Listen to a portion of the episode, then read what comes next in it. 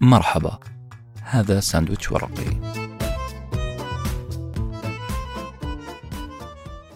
إعلان. صديقي المستمع صديقتي المستمعة. سأقدم لكم عرضا لن تستطيعون رفضه. العرض ساري مدة استماعكم للحلقة.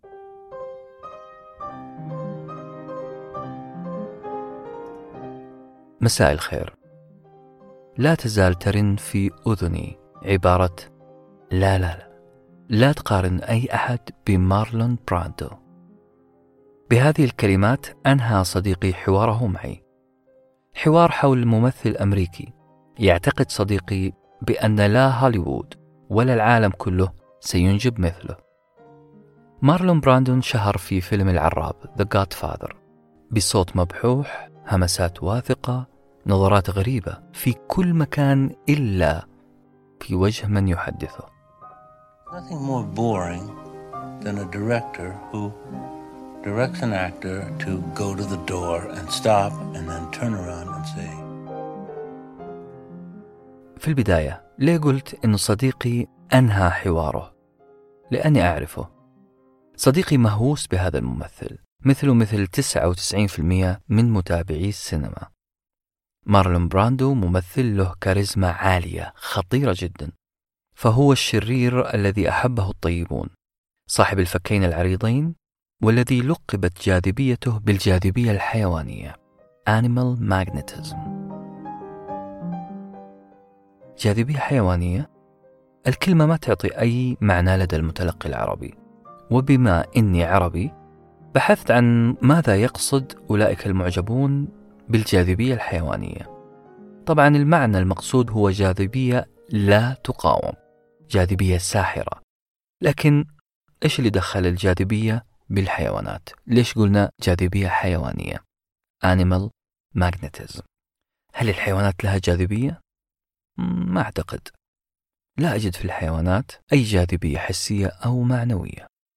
عشان أرضي ضميري وأصدر حكم عقلاني ومحكم اضطريت أني أقرأ عن هذه الجاذبية المزعومة. اضطريت أني أتفرج على مقاطع يوتيوب تشرح هذا المفهوم وعرفت أنه جاذبية حيوانية هو مصطلح جاي من طبيب قديم وعالم فلك سويسري كان يتأمل كثير في الكون. هذا الرجل كان يتأمل في مرضاه كذلك. كان يتمنى أن يتوقف المرضى عن الصراخ خاصة عندما يعالجون بأدوات مؤلمة. هذا الرجل لم يكن طبيبا فقط ولا عالم فضاء. بل كان إنسان حساس جدا. وفي نفس الوقت كان صاحب فكرة علاجية عجيبة جدا. اسمعوها معنا. فرانز أنتون ميزمر. هذا الطبيب تأثر بموضة الجاذبية اللي خلفها نيوتن. كلمة جاذبية جذبت أنتون ميزمر. بدأ يلاحظ هذه القوة قوة الجاذبية. بدأ يلاحظ قوة الجاذبية التي يمتلكها القمر ويتسبب في مد وجزر البحر. بسبب هذه الملاحظات بدأ يقول في نفسه طالما هناك قوة خفية تؤثر في شيء بعيد طالما أن القمر هذا الجرم البعيد يؤثر في البحر اللي عندنا في الأرض إذا فلا بد أنه بإمكاننا استخدام هذه القوة الخفية قوة الجاذبية للتأثير في أولئك المعذبين في الأرض. ويقصد فيها مرضاه. بالعربي قال إحنا نقدر نستخدم الجاذبية في علاج المرضى. الرجل ما عنده وقت. بدأ فعلا باستخدام الجاذبية في علاج الناس. والحمد لله إننا عايشين في القرن الواحد والعشرين. لأنك لو كنت من سكان القرن الثمن عشر لاضطررت للذهاب إلى مزمر. مزمر اللي كان يطلب من مرضاه بلع كمية طيبة من المعدن. غالبا طبعا الحديد. ويبدأ بعد كذا يمرر قطعة مغناطيس حول جسم المريض. الغرض طبعا هو التحكم في حركة الحديد اللي داخل أجساد المرضى. لماذا يقوم بهذا الشيء؟ هي مجرد محاولة لتطهير أجسام المرضى من الداخل. وهذه طبعا طريقة بدائية مزمرية. لكن الموضوع تطور. بعض المرضى رفضوا ابتلاع الحديد. فاضطر ميزمر أنه يقفز لخطوة جديدة وهي تعريض أجسامهم لعصي ممغنطة. من شأن هذه العصي سحب السموم من أجسادهم. الغريب فعلا أن المرضى وجدوا فائدة من هذا العلاج. ما ندري هل التأثير عضوي ولا نفسي. المهم أنه الجاذبية نجحت. السيد ميزمر تحمس جدا وبدأ يمشي بقبعة تشبه قبعة السحرة تلك القبعة اللي عليها نجوم صفراء. في يده عصا ممغنطة ويطهر بها أجساد المرضى. تطور الموضوع شيئا فشيئا حتى استغنى ميزمر عن العصا وصار يستخدم جاذبية جسمه في علاج المرضى. زعم الرجل أن الكون كله يتحرك بقوة اسمها الجاذبية الحيوانية وأن بإمكان طاقة جسمه أن تطهر السموم اللي في جسم شخص آخر. أخيرا. وبعد هذا الشرح الطويل اكتشفت أنه اسم الجاذبية جاذبية الحيوانات مو المقصود فيها الكلب والحصان والأسد بل هي كلمة جاية من منظور عالم يقصد فيها القوة الجاذبية الكامنة في جسد الكائنات الحية.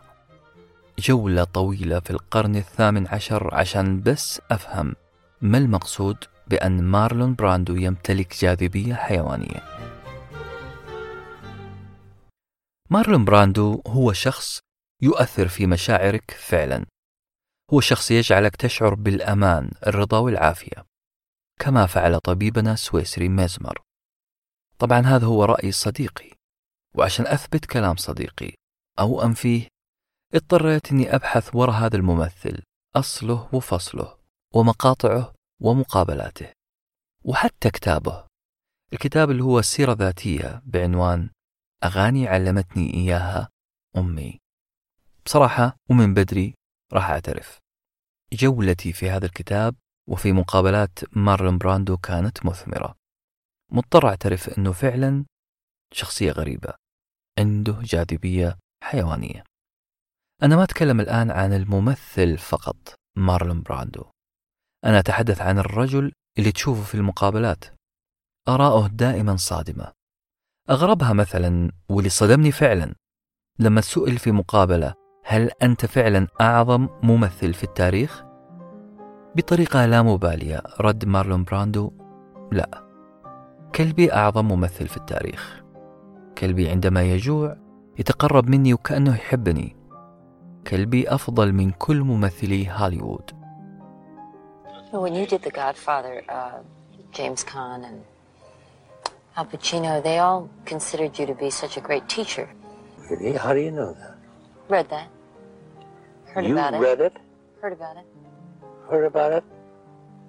You shouldn't ever believe what you hear, and you shouldn't ever believe what you read.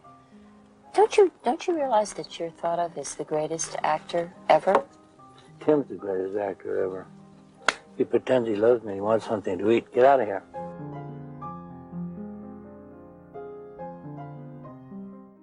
إجابة غريبة جدا تشي بأن داخل دماغ هذا الرجل شيء غير طبيعي شيء يستحق أن نعرف عنه أكثر وأكثر. لكن خلونا نرجع شوية لورا ما هي قصة العرض اللي كلمتكم عليه في بداية الحلقة؟ الجملة اللي قلنا فيها سأقدم لكم عرضا لن تستطيعون رفضه. هذه جملة قالها بطل بودكاست اليوم مارلون براندو في أحد أفلامه.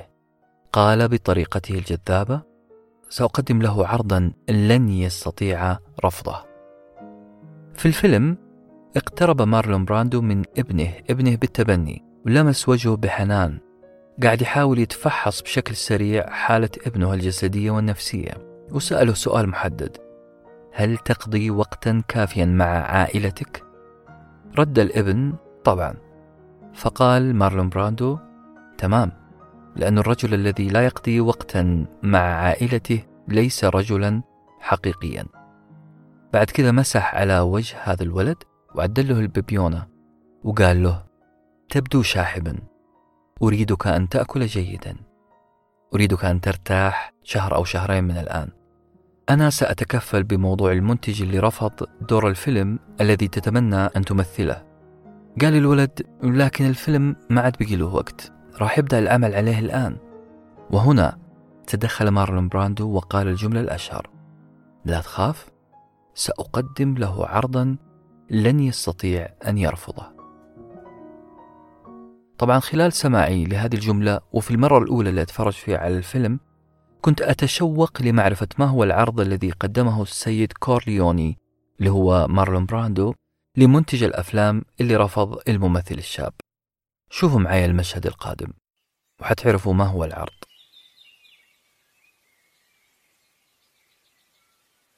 انتقل المشهد ليصور لنا فناء بيت المنتج. بيت فخم مليان تماثيل تتوسطه نافورة مياه فاخرة جدا. تقترب الكاميرا من الشبابيك. بالأصح شباك غرفة نوم المنتج. تقترب الكاميرا شيئا فشيئا لتدخل من شباك النافذة. وتصور لنا المنتج في سريره نايم في أمان الله متدثرا بغطائه وظهره للكاميرا. يتحرك قليلا فتظهر آثار دم على الغطاء. يستيقظ يتحسس يديه المليئتين بالدم. بنظرة مفزوعة يحاول معرفة مصدر الدم فيكشف الغطاء وإذا بالمفاجأة الكبرى أو بالأصح العرض اللي قدمه مارلون براندو له تحت الغطاء ومصدر هذا الدم هو رأس مقطوع رأس حصان مقطوع الحصان المفضل لدى المنتج. رغم فظاعة هذا المشهد إلا أنني مستعد أحلف. أنه لن يمحى من الذاكرة. هذا الشيء ساعد الناس على تذكر مارلون براندو. سأقدم له عرضا لن يستطيع رفضه. عبارة قوية ومشهد أقوى. العبارة قوية بسبب استخدام كلمة عرض. العروض عادة هي وسيلة للتفاوض. مثلا هذا عرض يا شركة مايكروسوفت. توافقوا أو لا؟ لكن هنا عرض مارلون براندو غير.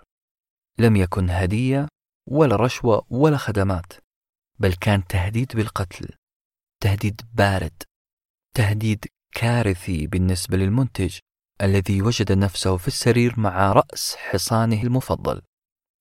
طبعا هذا العرض تم قبوله. سمح للممثل الشاب أن يمثل الفيلم بل صنع المنتج من هذا الممثل نجما سينمائيا. لاحظتم معي كيف استخدام كلمة عرض كان استخدام ذكي وتوظيف شديد الدهاء. طبعا لم يكن مارلون براندو هو كاتب هذه الجملة لكن الطريقة اللي قال فيها هذه الجملة كانت عظيمة. التلوين الصوتي والهدوء والكلمات المنطوقة أضافت للنص كل شيء. هذه الكلمات اللي تعتقد لوهلة أنه قائلها ليس ممثل بل رجل عصابات يحب عائلته ويتمنى لها النجاح. حتى لو كان هذا النجاح بالتهديد والابتزاز. هذا هو مارلون براندو ممثل يقال إنه ملك ال method acting ال method acting هي طريقة تمثيل يحاول فيها الممثل إنه يتقمص الشخصية تقمص حرفي. يعيش فعلا دور هذه الشخصية. يعني بالعربي ما يستخدم تكنيكات معينة تمثل دور الشرير بل يتقمص الشخصية اللي يمثلها. هذا النوع من التمثيل يتطلب جهد وتمرين طويل.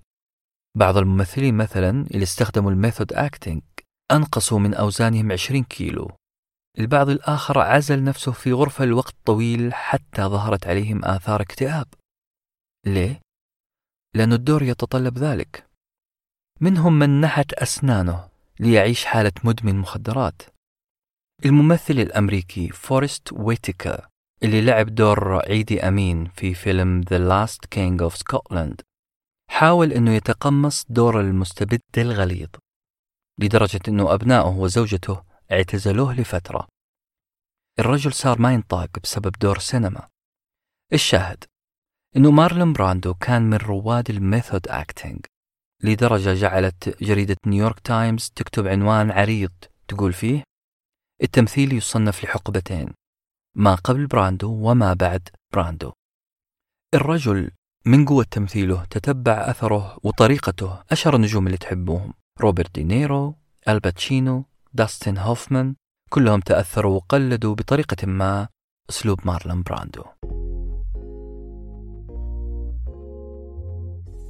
السؤال ما المميز في طريقة كلام براندو؟ هنا نحتاج مجلدات ومجلدات. لكن قبل ما نحلل بالتفصيل إمكانيات هذا الرجل اللغوية والفصاحية راح نقول أنه في الأول والأخير هو ممثل. التمثيل ساعده في الحديث والفصاحة والإقناع بشكل كبير. بلا صح التمثيل ساعده في تلوين كلامه بطريقة لا يستطيع أحد آخر أن يفعلها. أن يتقمص أدوار متعددة منها السياسي زعيم العصابة إلى بالحنون العاشق الولهان. الرجل يستطيع أن يكلم الناس بمليون طريقة أن يجعلهم يقتنعون باختصار شديد جدا. الرجل احترف الكذب. أعتقد أنه هذه الكلمة ما راح تسيء لأحد والسبب بسيط. لأنه مارلون براندو يقول الكلام هذا بنفسه. أيضا مارلون براندو حضر ورشة عمل في شبابه تحت اسم الكذب من أجل العيش Lying for Living. نعم براندو كان يطبق قاعدة fake it till you make it. مثل لحد ما توصل.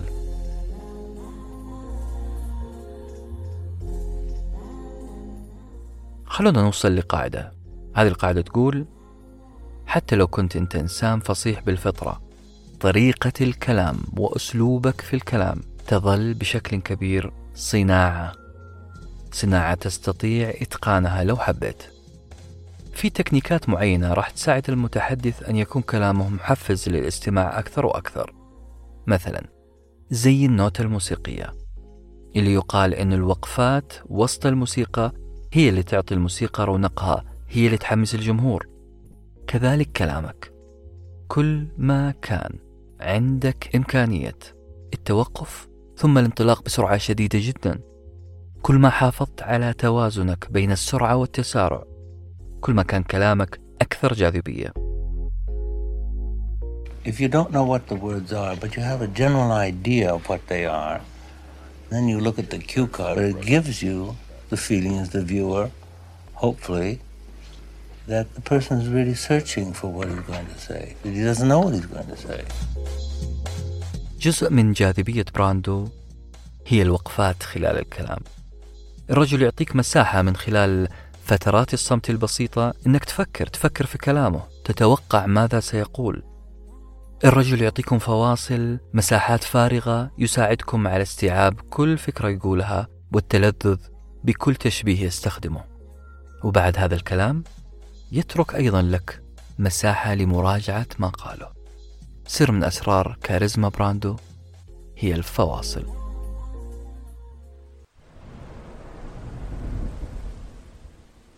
في فترة معينة من حياتي كنت أعشق الجدل. نعم خلوني أصارحكم. كنت أحب الجدل لا النقاش تعريف الإجراء للجدل يقول اقتناص أي جملة يقولها الشخص أمامي لأبحث فيها عن مغالطة منطقية. كنت أحاول أن أصنع حوار أتبادل فيه مع الطرف الآخر النقاش الحاد والحار من أجل إيش؟ من أجل لا شيء فقط لأجل الجدل مهارات المحاججة. حاجة أشبه بالسفسطة اليونانية. رغم أن هذا المصطلح يستخدم الآن كشتيمة وتنقيص في أي متحدث إلا أنه كان مدرسة ونسيج فكري معتد به قديما. السفسطة كانت تعتمد على التلاعب بالكلام والتلاعب بمنطق الكلام من أجل إثبات وجهة نظر غالبا ما تكون وجهة نظر خاطئة. نعم وجهة نظر خاطئة تحاول الدفاع عنها باستخدام التلاعب في المنطق. هذه السفسطة. بغض النظر عن أخلاقية وصحة وجهة النظر هذه كانت تعجبني قدرة السفسطائي على قلب الحقائق. كانت تعجبني قدرته على أن يلبس الخطأ. رداء الصح. بقراءة الكتاب ومتابعة وثائقيات مارلون براندو. كان أيضا هو يحب أن يشاهد المناظرات يحب أن يدخل في نقاشات يحب أن يستمع إلى طرق الآخرين في إقناع الآخرين. براندو وفي كتابه أغاني علمتني إياها أمي. Songs My Mother Taught Me. كان يجلس ساعات طويلة يستمع لوكيل أعماله وهو يتحدث عبر الهاتف محاولا إقناع منتج مثلا. أو شركة بزيادة أجر مارلون براندو كان براندو حرفيا يجلس ساعات يستمع لطريقة هذا المحترف في الإقناع أعتقد هذا مؤشر قوي لدور الاحتكاك مع أهل الحرف المختلفة. مهم جدا أن نرى ونسمع ونقتبس منهم ونقلد نماذجهم في أدق التفاصيل. هذه نسميها المحاكاة. أن يكون أمامك نموذج تقلده ثم تضيف على هذا التقليد بصمتك الشخصية. عشان كذا لا نستغرب لما نعرف أنه موزارت ذلك الموسيقار العظيم تعلم البيانو والألحان من خلال جلوسه مع أصدقاء والده ووالدته. أصدقائهم كانوا فنانين عازفين ملحنين. طبيعي أنه يطلع موزارت موسيقار عظيم. لا نستغرب كمان إذا عرفنا أنه الأديب يسلم أدوات الأدب إلى أبنائه وأحفاده بطريقة غير مباشرة. أنه السياسي يرسل إشاعات لا تراها العين المجردة يرسل هذه الإشاعات لكل عائلته. باختصار الاحتكاك بأهل الخبرات والمهارات هو مصدر معرفة لا يستهان به وهذه المحاكاة بأنماط مختلفة من البشر. صنعت مارلون براندو وصنعت جاذبيته الحيوانية. اللطخات اللطخات أحيانا تظهر الجزء البراق فيك تجعله أكثر وضوحا.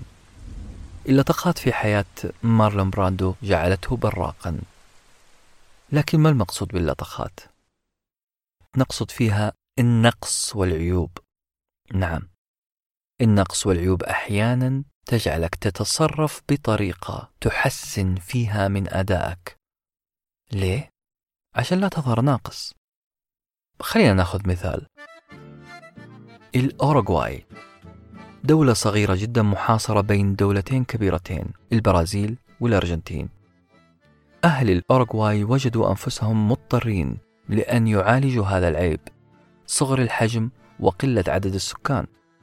استطاعت الأوروغواي في كرة القدم مثلا أن تكون ندا قويا للبرازيل والأرجنتين. لاعبينها مميزين جدا. الأقليات دائما تجدهم أكثر حدة وترقبا من غيرهم. الأقل دائما ينام كالثعلب بعين واحدة. براندو نفس الشيء. ترعرع وهو يرتدي جنس أزرق ويتحدث بلسان عامي وسوقي.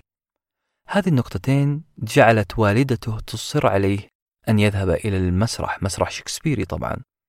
ليه؟ ليتدرب هناك على الإنجليزية البريطانية الفصيحة. والدته كانت تحاول تساعده أن يغير من طريقة كلامه. لذلك نقول النقص أحيانا اللطخات أحيانا. تجعلك تعوض هذا النقص بطريقة ما. المسرح بطريقته المبالغ فيها في الكلام والتمثيل جعلت من مارلون براندو يحبر لسانه وطريقة نطقه بطريقة لم يحظى بها ممثلون آخرون. لكن مارلون براندو كان متمرد. رفض براندو كل المؤسسات التربوية اللي درس فيها. رفض أي محاولة من أي شخص بأن يتحكم فيه. رغم أنه براندو درس مسرح إلا أنه رفض مبالغة المسرح وراح للتمثيل الواقعي بل الواقعي جدا. بحسب سيرته الذاتية فإن براندو أدخل خصائص واقعية للتمثيل في أمريكا. أنتج شخصيات تتلعثم تهمهم تكلم نفسها؟ كل هذه خصائص اخترعها مارلون برادو وجعلت منه ليس فقط ممثلا أيقونيا بل متحدثا لا تمل من سماعه. عزيزي المستمع عزيزتي المستمعة كأني أسمع منكم شوية اعتراضات مؤدبة. هذه الاعتراضات تقول هل يحب الإنسان أن يسمع همهمات ولعثمات وحديث نفس؟ هل هذه الخصائص تجعل المتحدث شخص جذاب؟ مين يحب يسمع العيوب الكلامية هذه؟ جوابي الشخصي لكم ما أعتقد فيكم واحد يحب مقاطع اليوتيوب اللي يتحدث فيها صوت روبوت ذو رتم واحد ممل ما أعتقد أنكم تعتقدون بأن هذه مقاطع ناجحة الموضوع يحتاج شوية أنسنة يحتاج أن نسمع مشاعر وسط الكلام فبحة الصوت قد تشي بطول السكوت. الهمهمة قد تعني الغضب أو عدم الرضا. التلعثم قد يقول أنه هناك إنسان حقيقي تتضارب أفكاره تتضارب مشاعره. السكوت كذلك. وراه شخص يبحث عن فكرة. هذه العناصر لو وظفت بشكل احترافي سيكون الناتج خطبة عصماء تنضح واقعية وتتفجر تأثيرا. في المتلقي.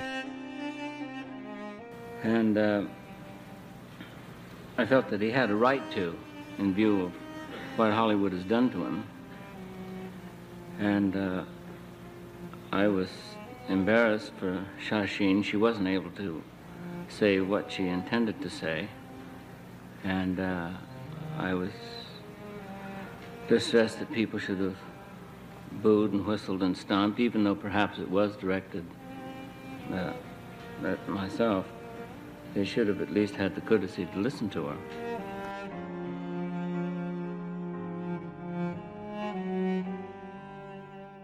واحد من أقوى أساليب مارلون براندو في الكلام إنه يبدو وهو يتكلم بأنه غير مكترث إنه شخص ما يهمه مين أمامه ولا يعطيك انطباع بأنه يفكر فيما يقول وجه بلا ملامح أحيانا عبارات تنقطع في منتصفها ثم بمزاجه يعود إلى إكمالها.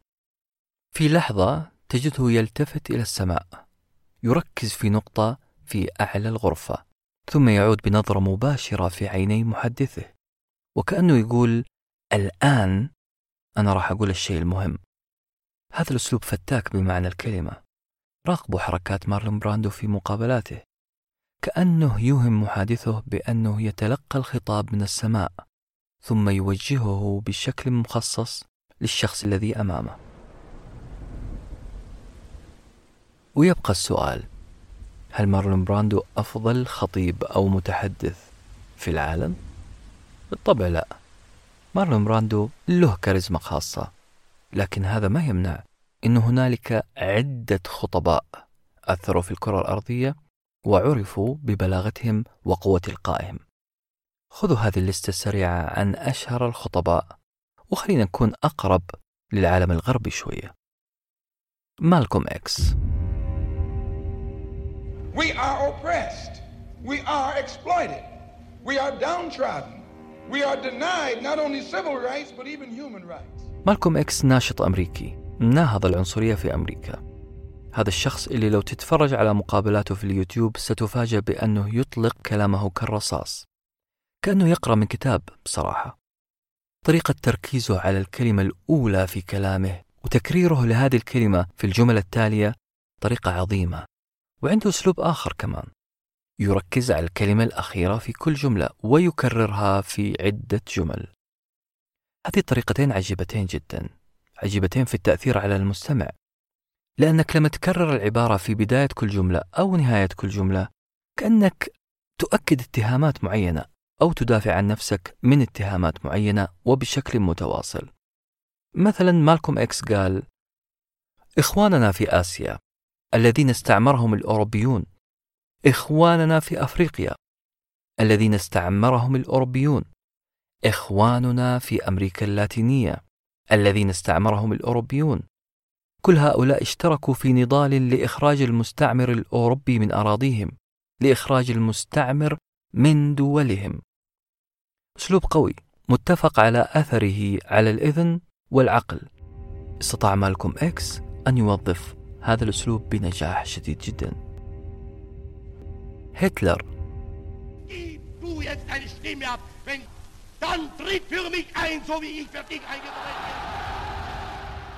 هتلر كان أكثر إنسان يعرف تأثير الخطابة الحرة على الحشود. الخطابة الحرة كانت تساعده في تنفيذ أي توجه سياسي كان يبغاه. لذلك قال في كلمة له أعلم بأن الكلمة المنطوقة لا تقارن بالمكتوبة. من يحكم الناس هو المتحدث لا الكاتب. الخطابة هي من ينتصر في النهاية. هتلر كان عنده ثقة غير طبيعية في قدراته الخطابية وأسلوبه الإقناعي. لذلك يقال على لسان وزير الإعلام الخاص فيه أن هتلر هو من كان يكتب خطاباته بنفسه ويعيد تدقيقها أكثر من مرة أكثر من خمس مرات بالأصح كل هذا المجهود عشان تتناسب هذه الكلمات مع قدراته القوية وحركات جسده الغير معقولة. رغم أنك تشوف وجه هتلر بدون ملامح جامد جدا. إلا أن بعض التفاصيل الدقيقة في الوجه وحركات اليد تعطي أقوى انطباع في المستمع. في كتاب للفرنسي الأمريكي روزنبوم بعنوان Explaining Hitler يقول المؤلف صوت هتلر وأسلوبه كان يضيف قوة إضافية لقوة النص. لدرجة أننا وأبغاكم تركزوا على هذا الكلام اللي انقال لأنها جملة عظيمة. يقول المؤلف لدرجة أننا كنا نرى تحركات يد هتلر وتشنجات وجهه ونحن نستمع له خلال الراديو. الأهم والأهم إنك لو اعتقدت أنه هتلر ولد بهذه المهارات فأنت مخطئ وأنت مخطئة. لأن صور حديثة ظهرت لهتلر وهو يتدرب أمام المرآة. بأي اتجاه أنظر؟ كيف أتلاعب بحواجبي؟ هتلر كان متحدث موهوب بالإضافة إلى أنه متحدث مصنوع. اقرأوا كتاب هتلر كان صديقي. واستمتعوا بهذه التفاصيل الهتلرية. بالعربي هتلر مصنوع. ونفس الشيء ينطبق على مارلون براندو. الشخصية الثالثة ديبرا بيبر. هذا الاسم مو كثير معروف. أعتقد أنكم ما قد سمعتم عنه أو بالأصح عنها. هي ضيفة دائمة على إذاعات الراديو شخصية أمريكية طبعا أكاديمية حاملة لدرجة الدكتوراه. ومذيعة في برنامج تلفزيوني. كل هذا ما يهمنا. يهمنا فقط إنها واحدة من أروع من تسمع لهم في الحياة.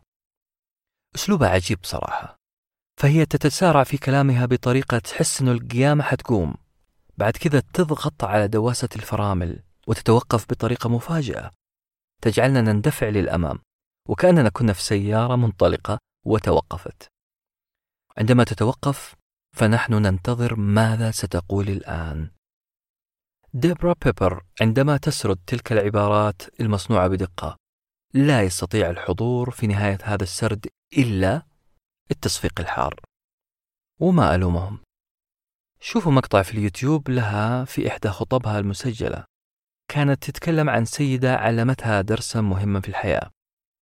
تقول دبرا كانت تلك الأفكار تضرب بكل قوة جدران عقلي بعنف. وكأنه جرس انتركوم متواصل يكهرب كل أعصابي. كانت تلك أفكار كصوت قطار يسمم كل خلايا جسمي بالضجيج. لكن تعلمون شيئا؟ السيدة آلما لن أنساها. لن أنساها لأنها أعطتني شيئا عظيما. الأمل. للمرة الأولى في حياتي امتلكت هذا القدر القليل من الأمل. بدأت بعدها. أتأمل السيدة آلما. أنظر إليها بإعجاب وهي تشجعني وأنا أقول في نفسي المثل المشهور.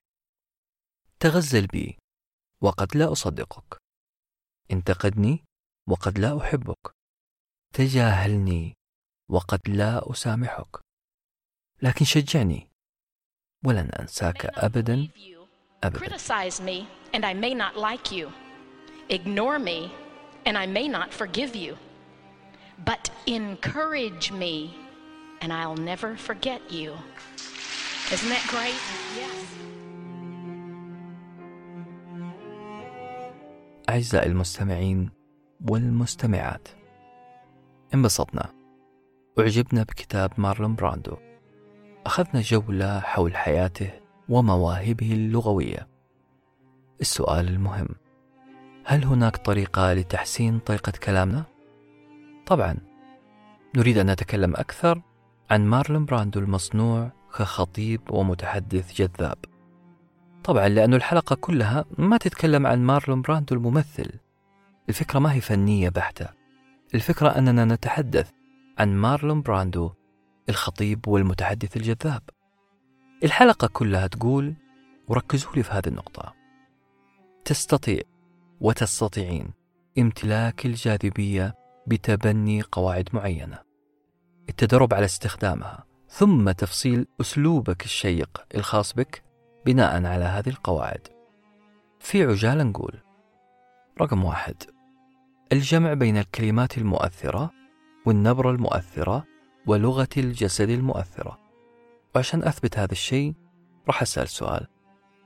لماذا تردد قصيدة الشاعر من قبل الملايين؟ بينما ملايين من الأشخاص العاديين لا يردد كلامهم شخص واحد. السر في اختيار الكلمات المؤثرة. أيضا النبرة. كما قلنا قبل قليل الفجوات في كلامك التسارع المتغير انخفاض وارتفاع الصوت كلها موسيقى تجعل المستمع يرفع حاجبيه مرة تعجبا ومرة إعجابا. والنبرة الجيدة تحتاج لغة جسد.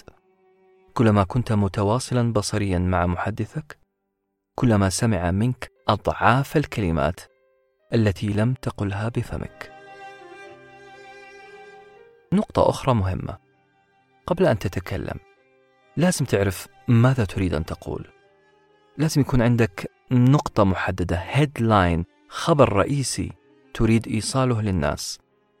التشتيت والبحث عن كلام هنا وهناك ما حيجعل كلامك خفيف على قلب محدثك. مارلون براندو في كل مشاهده يظهر واثقا سواء في نظرته أو في حركاته. قبل أن تتفوه بكلمة ابحث في نقطة محددة تريد إيصالها للمستمع. طريقة ثانية خليك مارلون براندو. عنصر آخر. الثقة. الثقة موضوع شائك وخاصة عندما تتحدث أمام الناس. يقول جيري ساينفيلد الممثل الأمريكي أنه ثاني أكثر الأمور رعبا لدى البشر هو الموت. أما في رأس القائمة قائمة الأشياء المثيرة للرعب بالنسبة للإنسان فهو الحديث أمام جموع الناس. لهذا يقول جيري ساينفيلد أن الإنسان قد يتمنى أن يكون ميتا داخل التابوت أكثر من أن يكون خارجه ليلقي كلمة التأبين. أسلوب ساخر من جيري ساينفيلد. لكن فعلا أكثر ما يرعبنا نحن كبشر أن نتحدث أمام العامة. وأكثر شيء يخلينا خايفين هو عدم معرفتنا بمفهوم الحديث أمام العامة ماذا يعني الحديث أمام العامة؟ هو فقط حوار من كل قلبك لقضية تريد أن تقولها لمجموعة من الناس. هذول الناس أمامك. نصيحة ريتشارد جرين لك ولي أنا ولكل مستمع. انسى كلمة خطبة. انسى كلمة speech أنت ما راح تقول كلمة. أنت ستتكلم فقط بشيء في قلبك بطريقة مرتبة فقط. وبكذا أنت ستنهي مشكلة الثقة والخوف. لا تفكر فيها كخطبة فكر فيها وكأنك ستحدث الناس عن ما في قلبك بطريقة منظمة. ولو حبيت عزيزي المستمع عزيزتي المستمعة أن تستزيدون من هذا الموضوع تابعوا يوتيوب عنوانه The Seven Secrets of Greatest Speakers in History. وأخيرا مارلون براندو شخصية عجيبة. الرجل عاش ظروف سيئة. تحول لإنسان سيء نوعا ما. إنسان نشأ في بيت مليء بالعنف الأسري وإدمان الخمور. إنسان كان يحضر والدته من الحانة وهي مخمورة تماما. يا ترى ليه الصغير مارلون كان يذهب للحانة ليحضر والدته؟ لأنه أحبها. أحبها فعلا. وانتظر منها رد هذا الحب. لكن حبها للمسرح كان أكبر كانت طموحة جدا لدرجة أن هذا الطموح أعماها عن ابنها أو على الأقل جعلها تبخل في إظهار بعض الحب. إنسان كمارلون براندو كان يشحذ بعض الاهتمام من عائلته لكنه لم يحصل عليه. هذا الشيء جعله يعيش في حالة عبث عبث كبير جدا في علاقاته. وكأنه ينتقم من والدته وإهمالها على حساب كل النساء. مارلون براندو إنسان متمرد. رفض كل مؤسسة كل مدرسة كل عمل كل وظيفة انتمى لها طرد من الثانوية وطرد من أكاديمية عسكرية. دفع دفعا للعمل في المسرح من دون رغبة. كان من الممكن أن يكون ابنا طيعا مهذبا. يحتكم للقوانين المنزلية. لكن وجد نفسه في بيت تضرب فيه الأم فتنهمر دموعها من عينين تحيط بهما هالة زرقاء من أثر لكمات الأب. ذلك الأب المسافر دائما والخائن غالبا. بيت جعله يفقد الثقة في الجميع. هذه ظروف ما تعطيك أي مؤشرات. إن براندو إنسان متزن. إنه إنسان مسؤول أو إنسان موهوب. الرجل حارب مؤسسة ضخمة زي هوليوود. كان يهاجم مصدر رزقه. شيء عجيب. لدرجة أنه قلب الرأي العام على الحزب الحاكم في أمريكا وعلى هوليوود كاملة. عندما فاز بجائزة الأوسكار أرسل فتاة من الهنود الحمر. أرسلها لمقر الاحتفال كي ترفض الجائزة. ملاحظين؟ الرجل مو بس رفض الأوسكار. الأوسكار اللي الكل يحلم فيه. بل أرسل فتاة مستضعفة لترفض على الملأ وأمام كل مدراء هوليوود. جائزة هي الأضخم في أمريكا. مارلون براندو ممثل لم يلتزم بالنص. كان يرفض أن يحفظ النص أو بالأصح لم يتعود ولم يقدر أن يحفظ أي شيء. كان الارتجال من عاداته. فمثلا كان يلصق البروبس أي بدايات الجمل في جاكيتات الممثلين وعلى جباههم. كان يكتب فقط رؤوس أقلام. بعد كذا يرتجل براحته.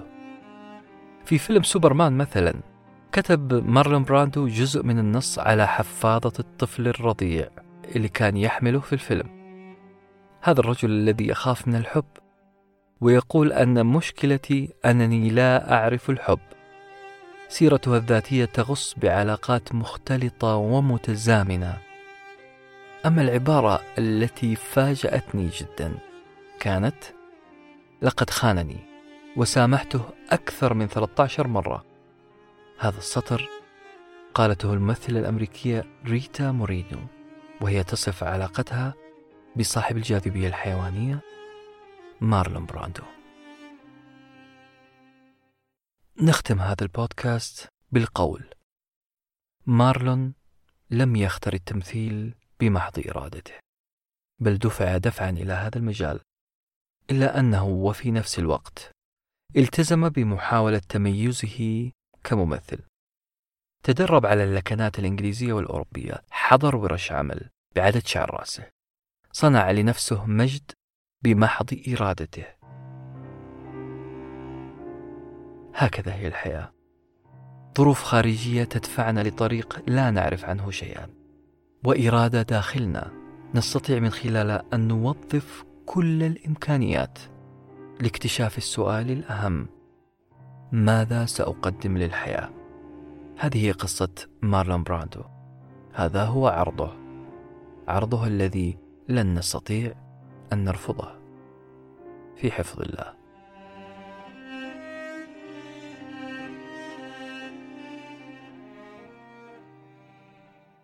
كنتم مع ساندويتش ورقي وجبة معرفية نتشارك لذتها.